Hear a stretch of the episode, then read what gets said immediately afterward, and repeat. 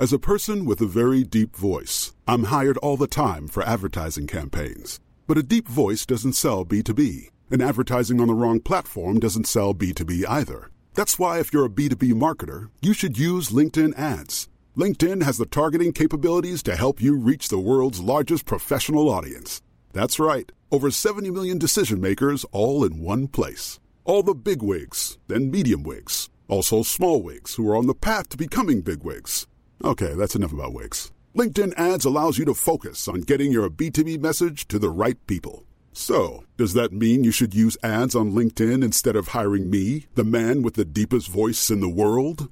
Yes. Yes, it does. Get started today and see why LinkedIn is the place to be to be. We'll even give you a $100 credit on your next campaign. Go to linkedin.com slash results to claim your credit. That's linkedin.com slash results. Terms and conditions apply. Hey, I'm Ryan Reynolds. At Mint Mobile, we like to do the opposite of what Big Wireless does. They charge you a lot, we charge you a little. So naturally, when they announced they'd be raising their prices due to inflation, we decided to deflate our prices due to not hating you. That's right. We're cutting the price of Mint Unlimited from $30 a month to just $15 a month. Give it a try at mintmobile.com slash switch. $45 upfront for three months plus taxes and fees. Promote for new customers for limited time. Unlimited more than 40 gigabytes per month. Slows. Full terms at mintmobile.com. Han bara insåg att bara shit, snön är så bra och jag ska åka det här fantastiska åket och det var bara tyst och lugnt och jag var ensam och bara det är det här jag vill hålla på med.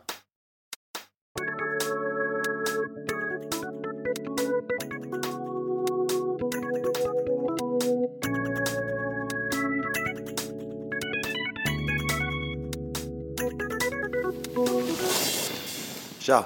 Välkomna till det allra första avsnittet av Freeride-podden. Dina stighudar upp för podcastberget den här säsongen. Skidåkning är ju förmodligen världens bästa grej att nörda ner sig i och eh, därför har vi startat en podcast. Ehm, där jag kommer åka omkring och träffa folk som kan mycket om skidor eller som har varit med om väldigt mycket på ett par skidor. Ofta när skidproffs intervjuas brukar det vara i typ SVT eh, och det är ofta väldigt förklarande med frågor som vad går din sport ut på och eh, varför gör du det?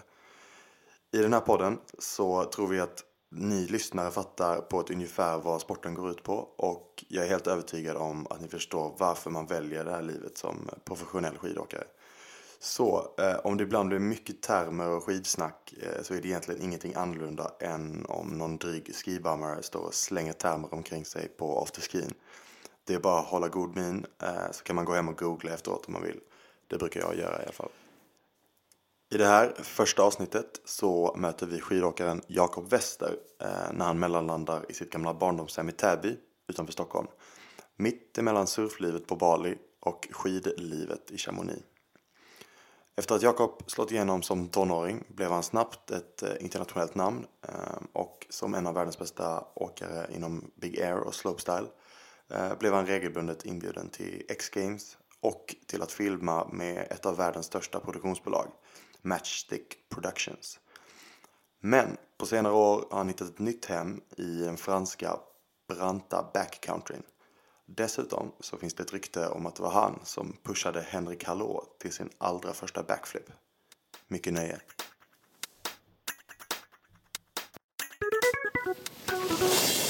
Du är på ett litet pitstop här i Stockholm, eller Ja, precis. Eh, Vi, eh, jag och min flickvän Sofia kom precis hem från eh, vårt andra hem på Bali i Indonesien. Eh, Och nu så, eh, det är det vanliga så här på början av vintern att man måste liksom ställa om från eh, sommarlivet till vinterlivet och ja, ha grejer utspridda på tre olika boenden och i en bil så jag måste bara få tag i mitt shit liksom så att man är redo inför vintern. Så. Och ehm, vad händer sen? Nej, nu börjar vintersäsongen bara rakt av. Eh, Jag sitter och tittar på väderkartor och prognoser just nu för att se om jag skulle kanske göra någon, någon liten tripp här i december någonstans i Alperna. Eh, Men sen så blir det Chamonix igen från och med januari. Eh, Åtminstone tre månader. Eh, Januari, februari, mars, möjligtvis större delen av april också. För att det är så otroligt bra där. Har du liksom ett, har du ett eget boende där? Eller? Ja, jag har hyrt lägenhet där fram tills i år då jag faktiskt och jag och min, min far har investerat i en lägenhet där. Så att från och med januari så, så är vi eh, hus eller lägenhetsägare i Chamonix. Fan vad schysst. Ja, det är, det otroligt roligt att åka ner och möblera och bara göra sig till rätta. Jag förstår det. Vilken del av Chamonix är det? I Chamonix Syd, Okej. mitt i uh, Bummargettot. Ja. Eh, det är där jag har bott senaste två åren också. Eh, det är vad det är. Det är förvånansvärt eh, billigt fortfarande för att vara så centralt. Så förhoppningsvis är det en bra investering. Vi får se. Jag har ju sett på Instagram så att eh, jag vet att ni hade det bra på Bali. Men hade ni det bra på Bali? Vi hade det jättebra på Bali. Eh, det har blivit mer och mer varje år. I år blev det tre månader. ehm, för att vi har så otroligt mycket vänner som bor där heltid. Och ja, det finns massa bra ställen att bo på. Och sen så, det blir lite som, jag, jag är lite rutinmänniska med sånt där. Typ, nu vill jag bo i Chamonix på vintrarna för att jag hittar på det berget och har koll på vart man ska åka på olika förhållanden. Samma sak på Bali. Det är, det är svårt att dra upp rötterna och sticka till en ny surfdestination när man har lärt känna ett ställe så bra så att man vet exakt vilken våg man ska åka till på vilken dag, vilken vind och vilken tidvatten och vilken storlek på svallet. Man, man blir ju... ja, Det är jobbigt att börja om från scratch liksom ett ställe. Ja, det är helt nice när man kan det så man vet. Mm. Man, eh, man slipper mycket så här nybörjarmisstag. Mm. Men bomkörningar och missar och liksom, det är samma med, med skidåkning. Liksom. I början, första gången man är på ett ställe så har man ju noll koll. Liksom. Jag har gjort jättemånga filmresor med Matchstick till exempel och även för mina egna grejer. Att man har kommit till ett ställe man inte riktigt har varit på innan och sen så går första veckan åt att egentligen bara liksom lära sig vad som gäller och sen när man har börjat få koll på stället så ska man dra till nästa. Och det har jag tröttnat på. Jag gillar att vara på ett ställe och ta min tid. Hur, ehm, så här, hur viktig är surfen för dig i förhållande till skidåkningen? Skulle du säga? Ja, alltså i förhållande till skidåkning eller eh, rent liksom Egentligen är den ju fullständigt oviktig eh, för att jag har ju ingen som helst inkomst från surfing. Eh, skidåkning är ju fortfarande det jag gör eh, for a living så att säga. Men eh, jag skulle aldrig kunna överleva utan surfingen, det är jag helt övertygad om. Eh, den är, det, är, som det blir, man blir helt... Eh, jag tror att när, när skidåkningen är ens yrke, som den är för mig, så är det lätt att, eh, att det blir gammalt liksom. Man åker så himla mycket skidor att man börjar ta det för givet till slut och slutar liksom njuta. Och då, jag, jag är sådär att jag behöver några månader, eller jag behöver liksom halva året som, eh, för att bara helt nollställa. Och då funkar surfing jättebra, för det är bara min passion och ingen, ingen press där liksom. Ehm, och det är förbannat roligt också. Skönt. Vi är i Täby nu. Är det här, Mm. eh, är det här du är uppväxt? Det är Täby jag är uppväxt i. Det här huset eh, som jag sitter i just nu eh, har jag bott, bodde jag i eh, från när jag var ja, 12-13 år, 14 år kanske. Eh, tills jag flyttade hemifrån. Så att jag, det är, men jag växte upp bara ja, ganska nära härifrån. Precis. Det gamla stomping grounds. Men, eh, jag snackade med en polare precis som är från Täby, precis innan jag stack hit. Um, och han måste väl vara några år yngre än dig tror jag. Men um, han, eh, han berättade om att eh, det var så här ryktet på stan var att eh, du hade railat på några räcken på så här, vad heter det, Rudbecksgymnasiet. Ja, det, Kan du bekräfta det?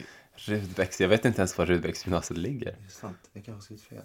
Nej, alltså det stämmer säkert. Jag har kört räcken över hela Täby. Men... så att han får komma, återkomma med en mer specifik eh, beskrivning av hur railet såg Ja. ut så kanske jag kan bekräfta det. Okej, ja, schysst. Han sa det, det var så här, det var liksom innan hela sociala medier-grejen så att det var, det var mer word of mouth som man, Ja, som precis. på den tiden. Ja, det var ju så då. När man fick vänta till hösten och så släpptes videon. Ja. Det, ju... det är lätt att säga att allt var bättre förr, men det var ju fan bättre förr. Hur blir man en bra skidåkare när man är uppväxt i Stockholm? Ja.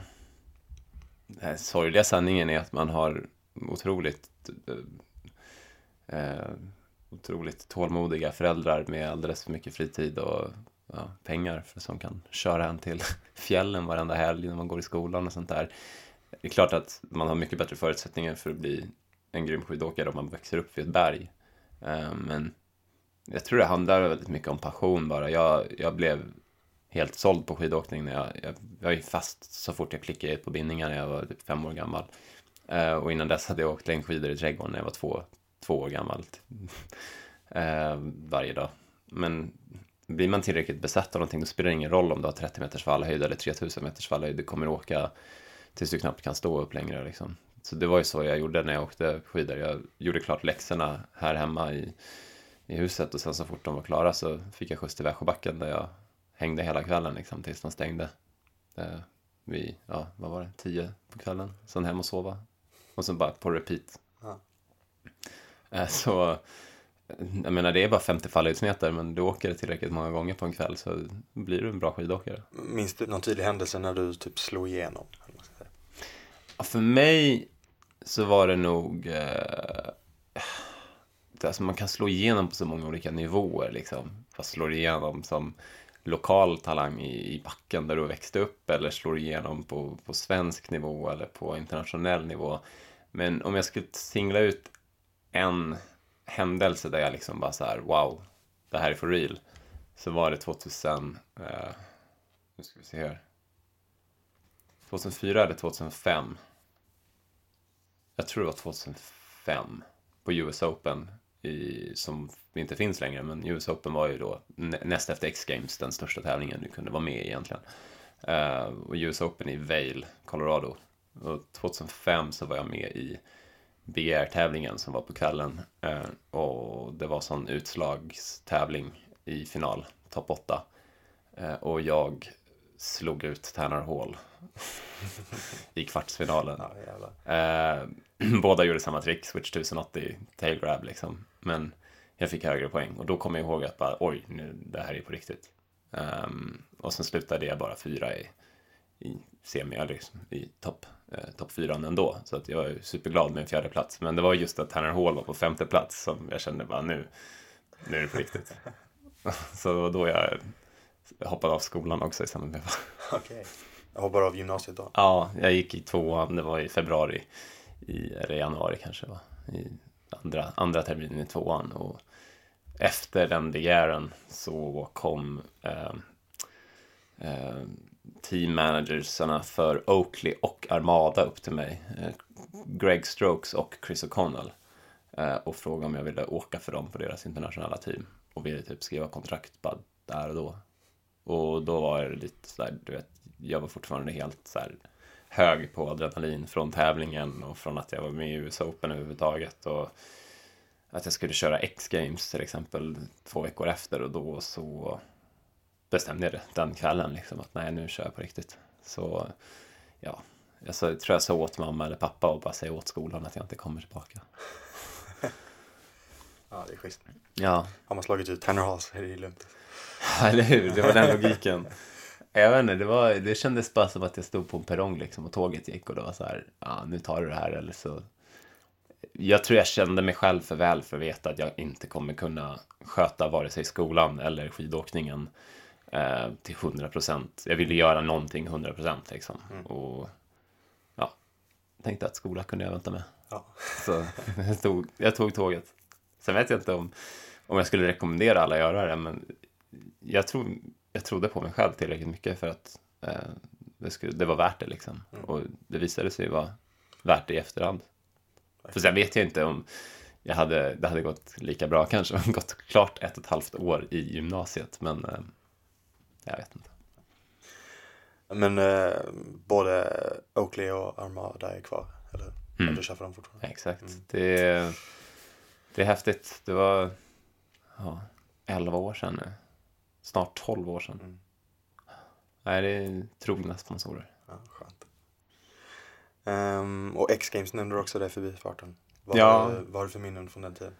X-games, jag har åkt sju X-games. Eh, 2005 till 2012. Eh, missade ett år däremellan. Eh, så men jag, ja, det var ett år när det var skitdåligt väder. Så, så, här, så sju eller åtta år. Eh, men jag har aldrig lyckats riktigt pricka in någon formtopp under X-games faktiskt. 2007 kom jag femma i slopestyle. Det, det, det skulle jag fortfarande säga är min högsta merit där. Men annars, jag vet inte, jag har alltid tyckt att det varit så här någonting fel på banan, dålig fart i hoppen eller haft ont någonstans eller bara varit så nervös att jag typ har spytt liksom. Så att nej, X-Games har blandade minnen från det, har alltid varit så här jobbigt. Det är en sån, det är en sån skillnad från alla andra tävlingar. Det är, det är så mycket mer eh, eh media och press och direktsändning och, och eh, det kan bli liksom så här du får stå och frysa i en minut extra för att det är reklam på amerikansk tv eller något sånt där och, och sen kör oavsett väder och sådana där grejer. Nej, det, men det, det har varit otroligt kul att vara med liksom. Det har alltid varit roliga fester och, och så här flådiga sponsorhus man har bott i, så här någon jävla Oakley Mansions för 8000 dollar natten och sådana där. Det, det, är allt, det är egentligen minnena man kommer ihåg för att alla liksom så här corporate folk är där och, och det är så det, det, var väldigt stort när man var liksom en storögd eh, 16-åring att göra det. Ja, ja det, jag kan tänka mig att det är fett. För att, eh, jag kan tänka mig att samtidigt som X-Games kan ju få en del kritik för att det är så kommersiellt ja, och absolut. Uh, väldigt amerikanskt. Ja, alltså det är en show på tv liksom. Ja. Och det är jättemycket pengar bakom från mm. kommersiella spelare. Och det märker man ju också att tävlingarna hamnar nästan alltid lite i andra hand. De testar så konstiga format som publikröstning och, mm. och sånt där. Så ja. att, men det är, man får gilla läget. Det är, det är ett otroligt bra ställe att synas på. Så mm. Och eh, nu har ju din lillebror tagit över där och är med. Hur känns det att kolla mm. på honom? Det känns ashäftigt. Det är roligt faktiskt hur liksom han fasade in ganska exakt samma år som jag pensionerade mig från tävlingscirkusen. Så det var lite som att eh, det är många som var kvar i, som jag har tävlat mycket med, som sa att det kändes bara typ som att det var någon slags rewind och att jag kom in igen liksom. Eh, eh, det är roligt att kolla på när han kör. Han, eh, han har utvecklats i absolut rasande fart från han var typ 15 till nu. Och, nej, det gör en brorsa riktigt stolt. Det är alltid lika spännande att kolla på när han kör. Förstår det. Kan du coacha honom liksom? Eller? Nej, det gick bättre när han eh, inte gjorde trippelkorkar. Ja, jo, absolut. No, ibland ser man ju små saker som, det kan ju vem som helst göra. Ett tränat öga kan ju se eh, ett, någon som gör något som de behöver jobba på, även om man själv inte kan det tricket. Eh, jag kan, eh, jag kan ge en tips ibland när jag, du vet, eh, ibland, han har en tendens att gå lite för hårt ut, tycker jag. Alltså, ibland gör han ju också som man inte ens behöver göra för att ta sig till final. Då kan jag säga liksom, safea den här, det är lugnt. Men eh, han, gillar, han tänder till ganska hårt när han kör, så det är all in liksom. Ja. Vilket är coolt. Du har ju varit med i en del filmer också och uh, du har varit med i de här stora produktionerna från Matchstick. Ja, um, det blev några stycken. Ja. Fem stycken ja. har jag varit med i. Uh, Vad minns du från det? Det är blandat där. Det, det är också lite sådär äh, häftigt för en, när man är ny i branschen. Att liksom, wow. Det, är också, det var en sån där grej som jag kände, nu är jag officiellt pro. För jag har varit på en filmresa med Poor Boys, eller Matchstick. Jag har varit på en vår, en sån här spring park shoot med Poor Boys och dragits upp till ett hopp bakom en pistmaskin med alla mina pro-kompisar liksom. Nu, är jag, nu har jag gjort, nu har jag lyckats. Uh, och, men i takt med att man har varit ute med mycket mer i pudret med typ matchdeck och sånt, då har man insett att hur mycket politik det är bakom allting. Alltså hur dyrt det är först och främst. Det är ingen, jag hade ingen aning om det här när jag var 17 år, men filmbolaget betalar inte dig en, en, en spänn eller ens liksom din resa eller något sånt där, utan det ligger ju helt och hållet på dig och huruvida du har en sponsorbudget som tillåter det.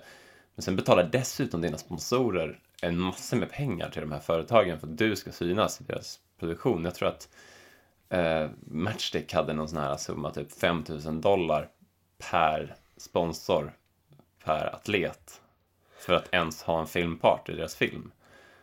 Och, och, det är någonting jävligt sorgligt med det. Jag förstår att det kostar massa pengar att ha heltidsanställda som sitter och klipper film och säljer DVDs. Men eh, det blir lite så här, ja, den som har sponsorer som betalar för att deras atleter ska vara med, de blir automatiskt med i filmen och större stjärnor trots att de kanske inte är bäst på det de gör. Eh, och jag störde mig väldigt mycket på det där för att jag har alltid haft så här ganska öppna budget från mina sponsorer där jag har istället för att ha en separat filmbudget där man måste liksom skicka en kvitton i efterhand för att få kompensation så har jag bara sagt att jag sköter mina resor själva, bokningar och biljetter och sånt där och sen så betalar mig hellre då mer i en bassumma så sköter jag allt det för att ofta så är folk dåliga på att boka billiga flyg och sånt där. Och då blev det liksom lite att jag fick betala Ja men det blev, jag insåg efter ett tag att om jag åker på en flygresa med typ Matchstick till eh, Kanada för att filma puder då ska du bo på en rätt lyxig sån lodge för 250 dollar natten som är all inclusive och hyra snöskoter för en massa pengar. Och det blev väldigt dyrt. Jag tror att eh, det blev extremt dyrt för några stycken resor och, då tyck, och det blev väldigt eh, svårt med kontroll över materialet. Du vet, jag kunde filma med dem en hel vinter tycker jag och bara shit, jag måste ha så sjukt mycket material. Och sen så ser man videon och du vet, de har klippt en bort en massa klipp för att det inte passar med temat eller musiken. Eller kanske för att han som klipper inte har stenkoll på tricks och sånt och inte vet att ah, men han gjorde två av det här tricket. Då klipper vi bort det ena fast de kanske var åt olika håll, snurrarna liksom. Mm. Och sådana där saker. Och det blev bara, jag ledsnade bara på att lägga så mycket pengar. Jag kollade på vad det kostade att vara med sammanlagt och vad jag kunde göra själv med de pengarna. Eh, och insåg att det är mycket roligare att producera eget. Så att, eh, och sen så signade jag med Monster samtidigt som Red Bull gick in och sponsrade Matchstick, typ hur stor som helst. Så då blev det svårt att få någon plats i filmerna. Mm. Det blev väldigt korta segment mot slutet, så då surnade jag till. Ja, jag fattar. Ja, nej, det, det är mycket politik med det As a person with a very deep voice, I'm hired all the time for advertising campaigns. But a deep voice doesn't sell B2B, and advertising on the wrong platform doesn't sell B2B either. That's why, if you're a B2B marketer, you should use LinkedIn ads. LinkedIn has the targeting capabilities to help you reach the world's largest professional audience. That's right, over 70 million decision makers all in one place. All the big wigs, then medium wigs, also small wigs who are on the path to becoming big wigs. Okay, that's enough about wigs. LinkedIn ads allows you to focus on getting your B2B message to the right people. So, does that mean you should use ads on LinkedIn instead of hiring me, the man with the deepest voice in the world? Yes. Yes, it does. Get started today and see why LinkedIn is the place to be to be. We'll even give you a $100 credit on your next campaign. Go to linkedin.com slash results to claim your credit. That's linkedin.com slash results. Terms and conditions apply. Ryan Reynolds here from Mint Mobile. With the price of just about everything going up during inflation, we thought we'd bring our prices down. So to help us, we brought in a reverse auctioneer, which is apparently a thing. Mint Mobile unlimited premium wireless. Ready to get 30, 30, bit to get 30, bit to get 20, 20, 20, bit to get 20, 20, bit to get 15, 15, 15, 15 just 15 bucks a month.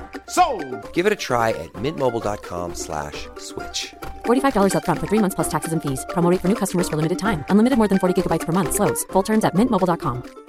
Spin your passion into a business with Shopify and break sales records with the world's best converting checkout. Let's hear that one more time. The world's best converting checkout. Shopify's legendary checkout makes it easier for customers to shop on your website, across social media, and everywhere in between. Now that's music to your ears. Any way you spin it, you can be a smash hit with Shopify. Start your dollar a month trial today at shopify.com slash records.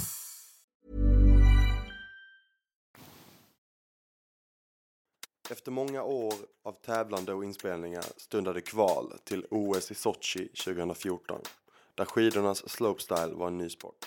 Men Jakob insåg snart att det fanns andra sorters skidåkning som lockade mer och han sökte en annan väg för att hitta tillbaka till skidglädjen. De senaste åren har han slagit sig ner i Chamonix och på egen hand spelat in och släppt filmserien Unfiltered Skiing. Hur var det? Du satsade till OS ett tag? Och sen, eller hur, hur var det med det? Väldigt så, eh, väldigt half-assad satsning. Det var, mm, det var liksom lite för sent. Hade OS kommit in 2010, då hade jag varit med.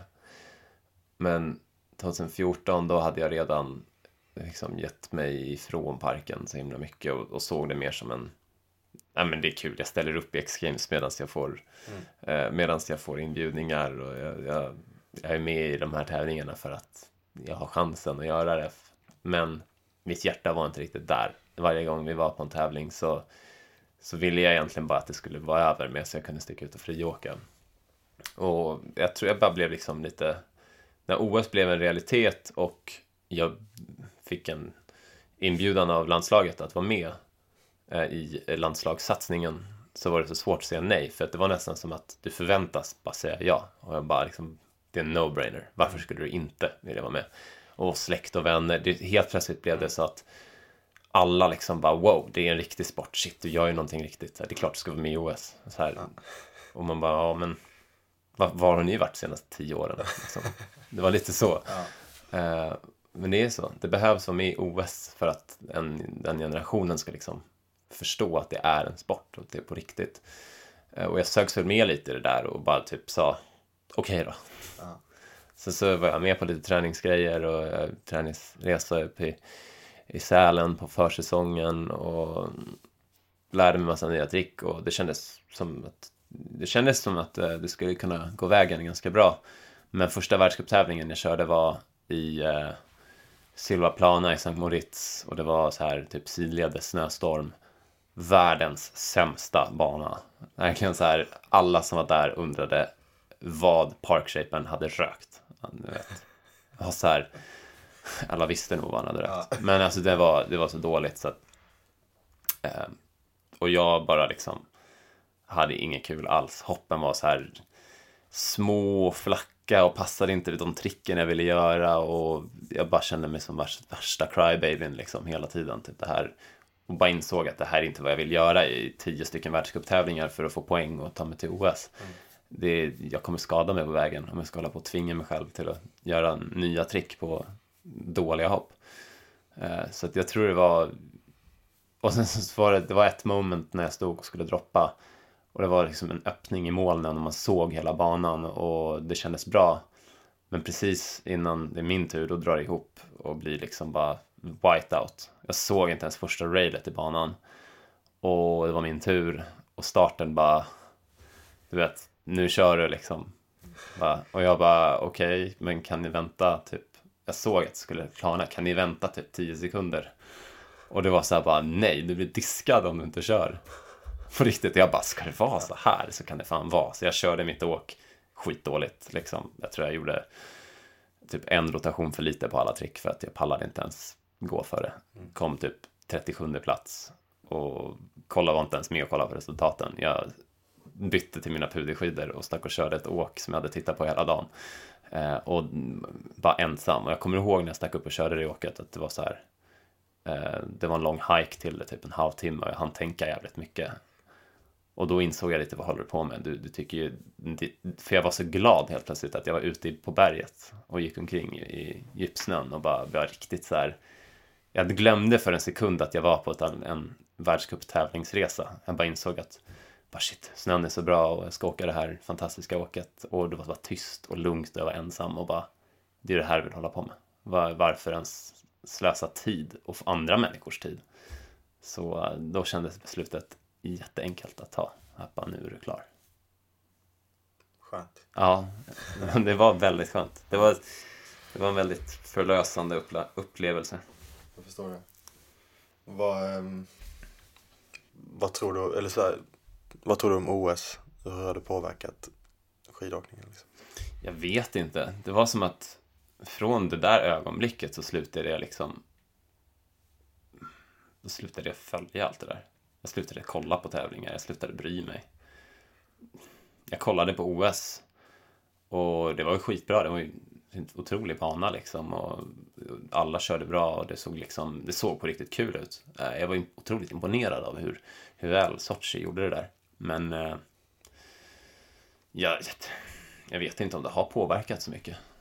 Några åkare tjänar mer pengar. Mm. De flesta andra tjänar ingenting. Mm. Det finns det har kommit otroligt många duktiga åkare på landslag som får support av landslagen. Att det är ju för sig kul att folk faktiskt inte behöver ha sponsorer och kommersiella sponsorer som betalar utan kan faktiskt få hjälp av länder. Det, det är det som vi pratar om igen, att helt plötsligt så får sporten erkännande från, eh, från olympiska kommittéer och får pengar från, från nationer, skattepengar för att åka skidor. Liksom. Och det är, det är coolt. Det är, det är säkert bra för sporten, som man säger. Mm. Men jag vet inte om det säljer så mycket skidor för att, för att alla vill alla vet vad... Jag, det, jag tror...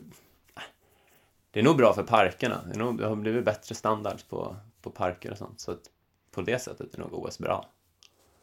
Uh, många andra sätt är det nog dåligt också för att det blivit så... Det är en oundviklig grej att någonting som var liksom lite av en rebellisk livsstil blev en så här sport i finrummen. Liksom. Det, det, det, jag vet att man lätt säger det, att det är lite kliché, men det blir ändå lite o, osexigt mm. när alla är så... Alla, ingen vågar säga någonting längre och ingen festar riktigt längre. Och det är så här bara styltat allting. Ja. Och det, det är lite tråkigt. Men då dyker det upp någonting i dess plats och då finns det ju ja. liksom underground skidåkningen. Det är som bara, det, det, allt har bara blivit mer uppdelat. Antingen är du tävlingsåkare eller så är du friåkare. Ja. Förut kunde det vara båda. Det är nästan ingen som kan det längre. Mm. Och det är väl fine. Det är typ Henke. Ja, det är några få typ Henke som kan göra det. Och det gör ju att till exempel han sticker ut ännu mer där. Och bara, man inser att han är bäst i världen. Så är det ju. Det är ingen som är i närheten. Jag kan tycka det känns lite som att så här, OS försöker vara lite down with the kids och lägga till så surf och eh, skidåkning. Ja, att, oh ja. ja men, men det är helt uppenbart. De, de måste ju som alla andra stora organisationer se ett paradigmskifte. Ett, en yngre generation som har vuxit upp med actionsporter. Då måste ju de actionsporterna vara med i OS för att OS ska fortsätta ha tittarsiffror. Um, ehm, det är absolut OS som behöver actionsporterna och inte tvärtom. Men eh, jag förstår ju varför de... Jag önskar bara fler kunde se det och bara bojkotta det, men jag vet inte. Alla som är, de som är bäst i världen, de är ju så unga att de inte har riktigt upplevt det som var innan, så de har inget att jämföra med, så jag kan inte beskylla dem heller. För de är ju liksom, de har vuxit upp och sett typ Bob Brown och Nick Kepper köra X-games och sen OS. Och då, bara, då är det det som är deras idoler och de vet inte liksom de, de har inte sett att Candide Tovex köra 540s i typ t-shirt 12 meter högt över världens största hopp liksom 2004 i Mammoth Mountain. Så att det är så hela tiden olika inspirationer för alla människor så det är, det är lätt att vara så pek, sitta med en pekpinne men det här är ju vad de vill göra så att mm. jag förstår det. Hur många år har du kört på det här unfiltered skiing nu? Eh, första året så blev det eh, en full serie Eh, men det var ganska slitigt att släppa en episod i månaden. Så jag strävade hela tiden efter att, att verkligen släppa en, en filmdel som jag var verkligen stokad på en gång i månaden med så mycket action som möjligt. Och det var väldigt krävande. Så att året efter det så gjorde jag bara en eh, season edit liksom. Och skadade mig dessutom. Mm. Det blev lite svårt då att göra så mycket mer. Ja. Eh, och sen förra året så var jag så upptagen med att lära mig åka steepskiing och stora berg i Chamonix att det blev inte jättemycket filmande. Det blev mer eh, ett eh, samlande av erfarenheter.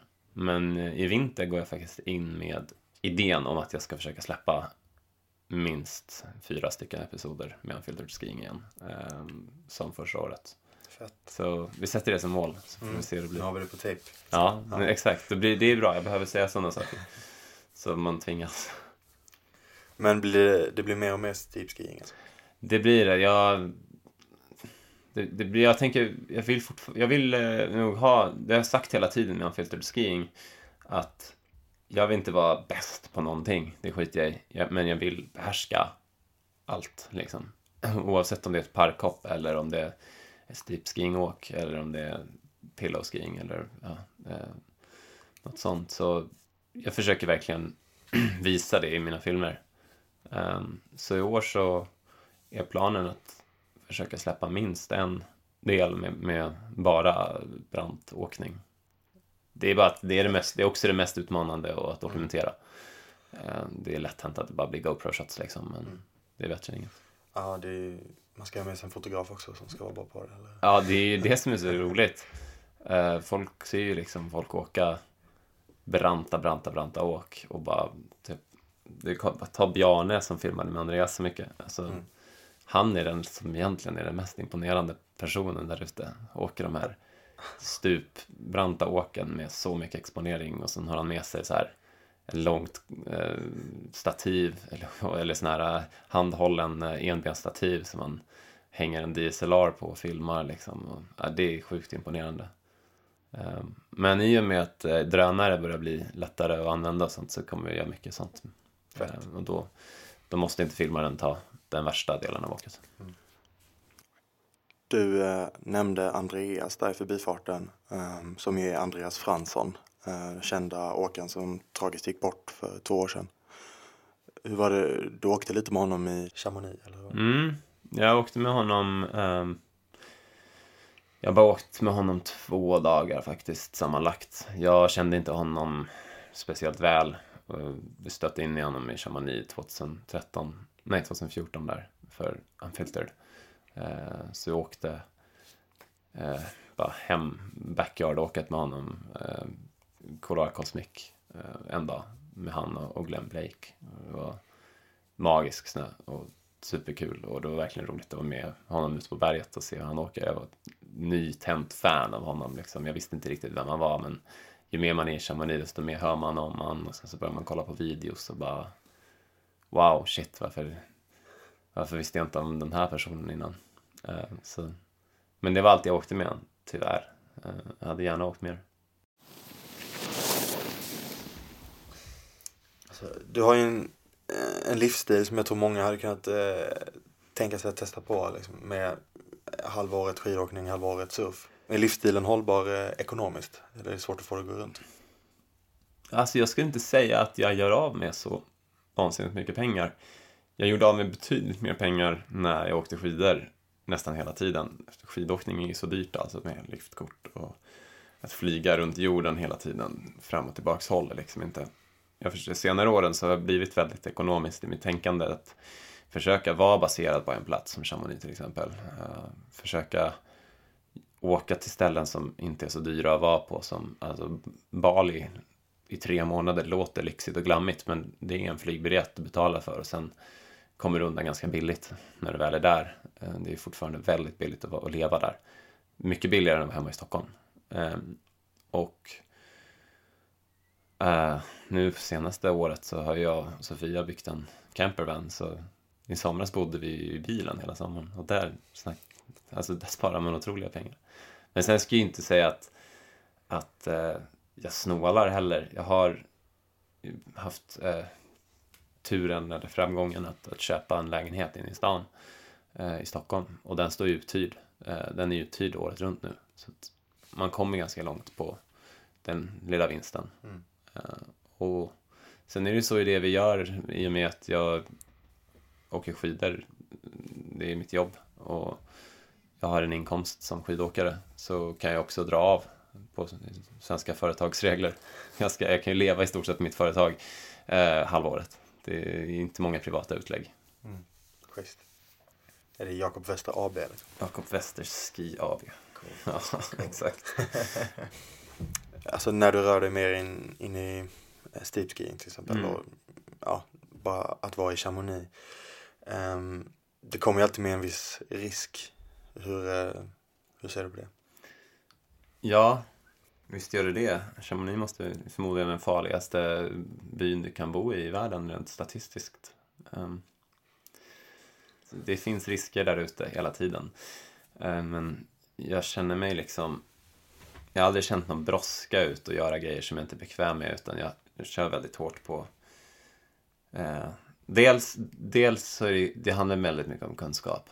Och jag har en tendens att nörda ner mig fullständigt. Så att jag, har, jag läser ju allt jag kommer över om, om snö och glaciärer och, och försöker liksom hela tiden bara lyssna på folk runt mig som har, kan mer än mig. Och, eh, min bergsfranska har blivit bättre. Så att hela tiden bara liksom snappa upp och suga åt sig som en svamp på berget.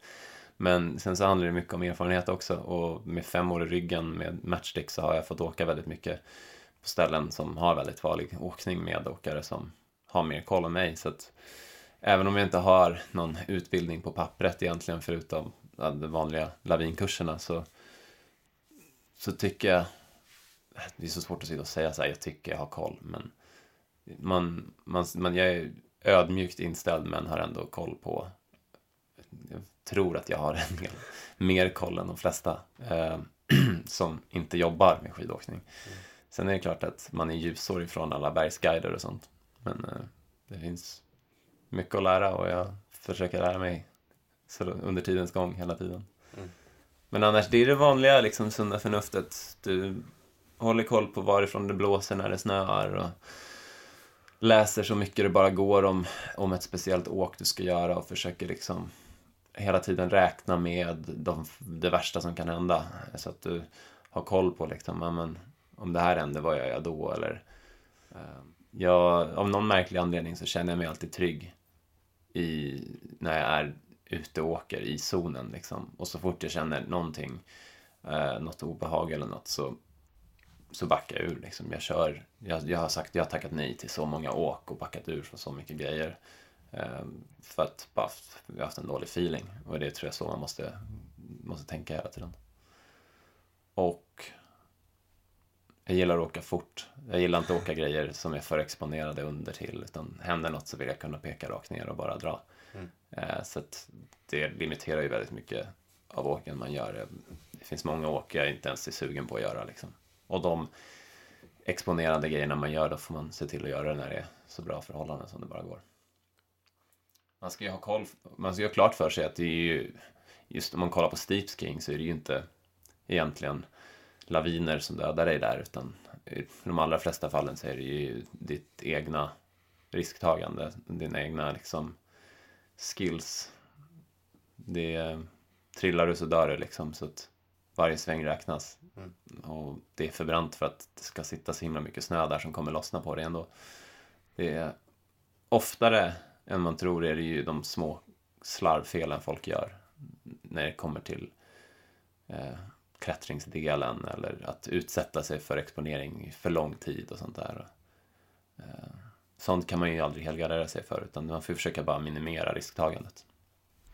Du har varit med om en, du var med om en ordentlig skada för några år sedan, eller hur? Du har bröt benet, eller hur var det? Ja, men det är ju ett ja. överdrift att säga att den var ordentlig. Okay. Jag var tillbaks på snö efter bara två månader. Ja, eh, jag bröt eh, vadbenet. Ehm, that's it. Jag gjorde bara en dramatisk video om det på internet som fick en massa views. ja, det var ju skönt att det inte var så ja. Nej, det var en sån här typisk försäsongsgrej liksom. Eller det var inte försäsong, det var tidig januari men det var ju fortfarande jäkligt stenigt så det hade inte kommit jättemycket snö. Eh, och jag var ute och släppte på bara liksom och slog på, körde på en sten i 70 blås. Ja. Då, det finns inte så mycket man kan betrygga sig för om, om sådana saker. Det, det händer när det händer. Ja. Hajar. Ja, det suger fan alltså. Ja. Just när man är så jävla sugen också. Mm. Nej, man får inte ha bråttom ut för sådana mm. där saker. Det är därför eh, jag har blivit väldigt så försiktig på försäsongen. Alltså, jag sticker inte ens ner nu och, och åker puder för att jag vet att det är grund fortfarande. Liksom. Väntar tills det blir en ordentlig bas. Mm. Uh, det är så jäkla mycket sten. Tänkte fråga dig om, jag läste här, jag läste här någonstans, jag tror det var på Freeride, att eh, du pushade Henke Harlå till hans första backflip. Det stämmer bra det. Är det sant? ja, då. Det måste vi få höra mer om. Uh, ja, det är kul faktiskt. Det, alltså, Henke är ju en legend liksom. Han, uh, varje gång någon frågar hur han kom in på på det han gör så nämner han det här och det är så roligt för att han, att han fortfarande liksom minns det och creddar det. Men det måste ju betyda att det var en stor grej när det hände. Eh, vi var på, jag har känt Henke sedan han var liksom tio, eh, en liten alpin knodd.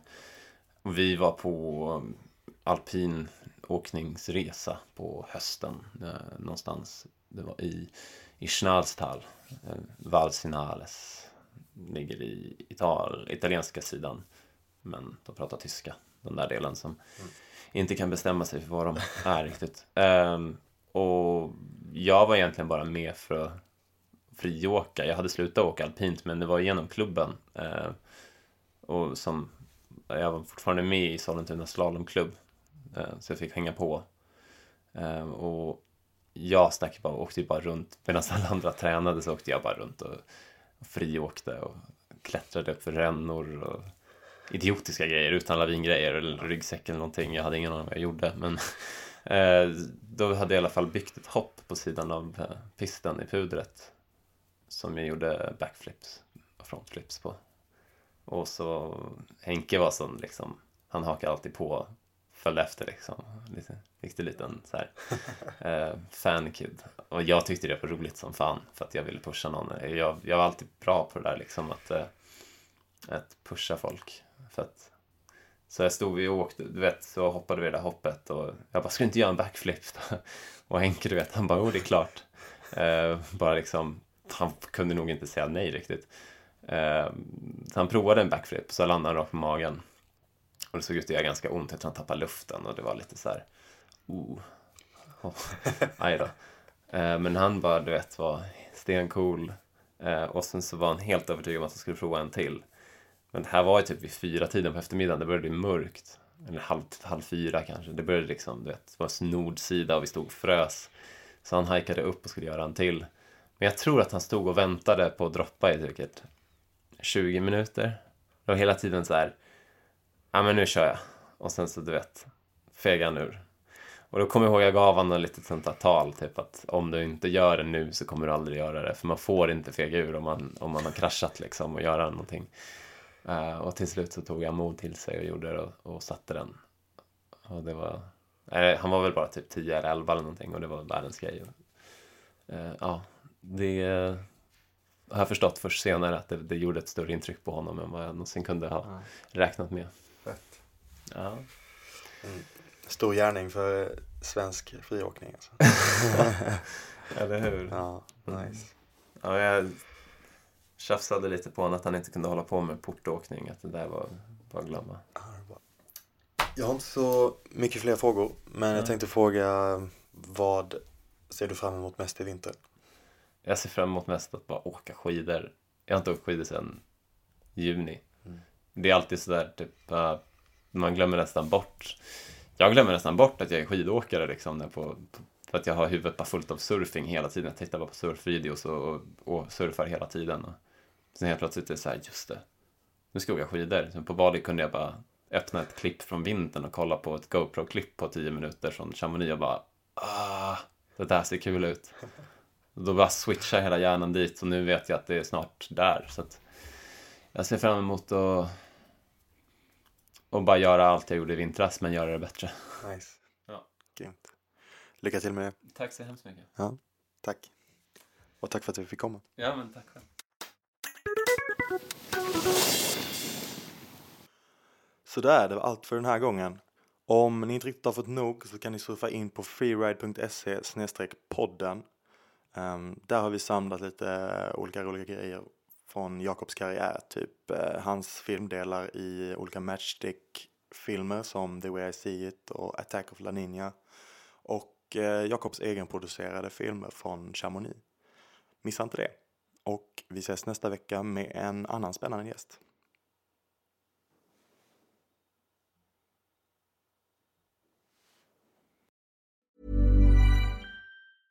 Spring, is that you? Warmer temps mean new Albert styles. Meet the new Superlight collection, the lightest ever shoes from Allbirds, now in fresh colors. These must have travel shoes have a lighter than air feel and barely there fit that made them the most packable shoes ever. Plus, they're comfy right out of the box. That means more comfort and less baggage. Experience how Allbirds is redefining comfort. Visit allbirds.com and use code SUPER24 for a free pair of socks with a purchase of $48 or more. That's A L L B I R D S.com, code SUPER24. Spin your passion into a business with Shopify and break sales records with the world's best converting checkout. Let's hear that one more time. The world's best converting checkout. Shopify's legendary checkout makes it easier for customers to shop on your website, across social media, and everywhere in between. Now that's music to your ears. Any way you spin it, you can be a smash hit with Shopify. Start your dollar a month trial today at shopify.com slash records.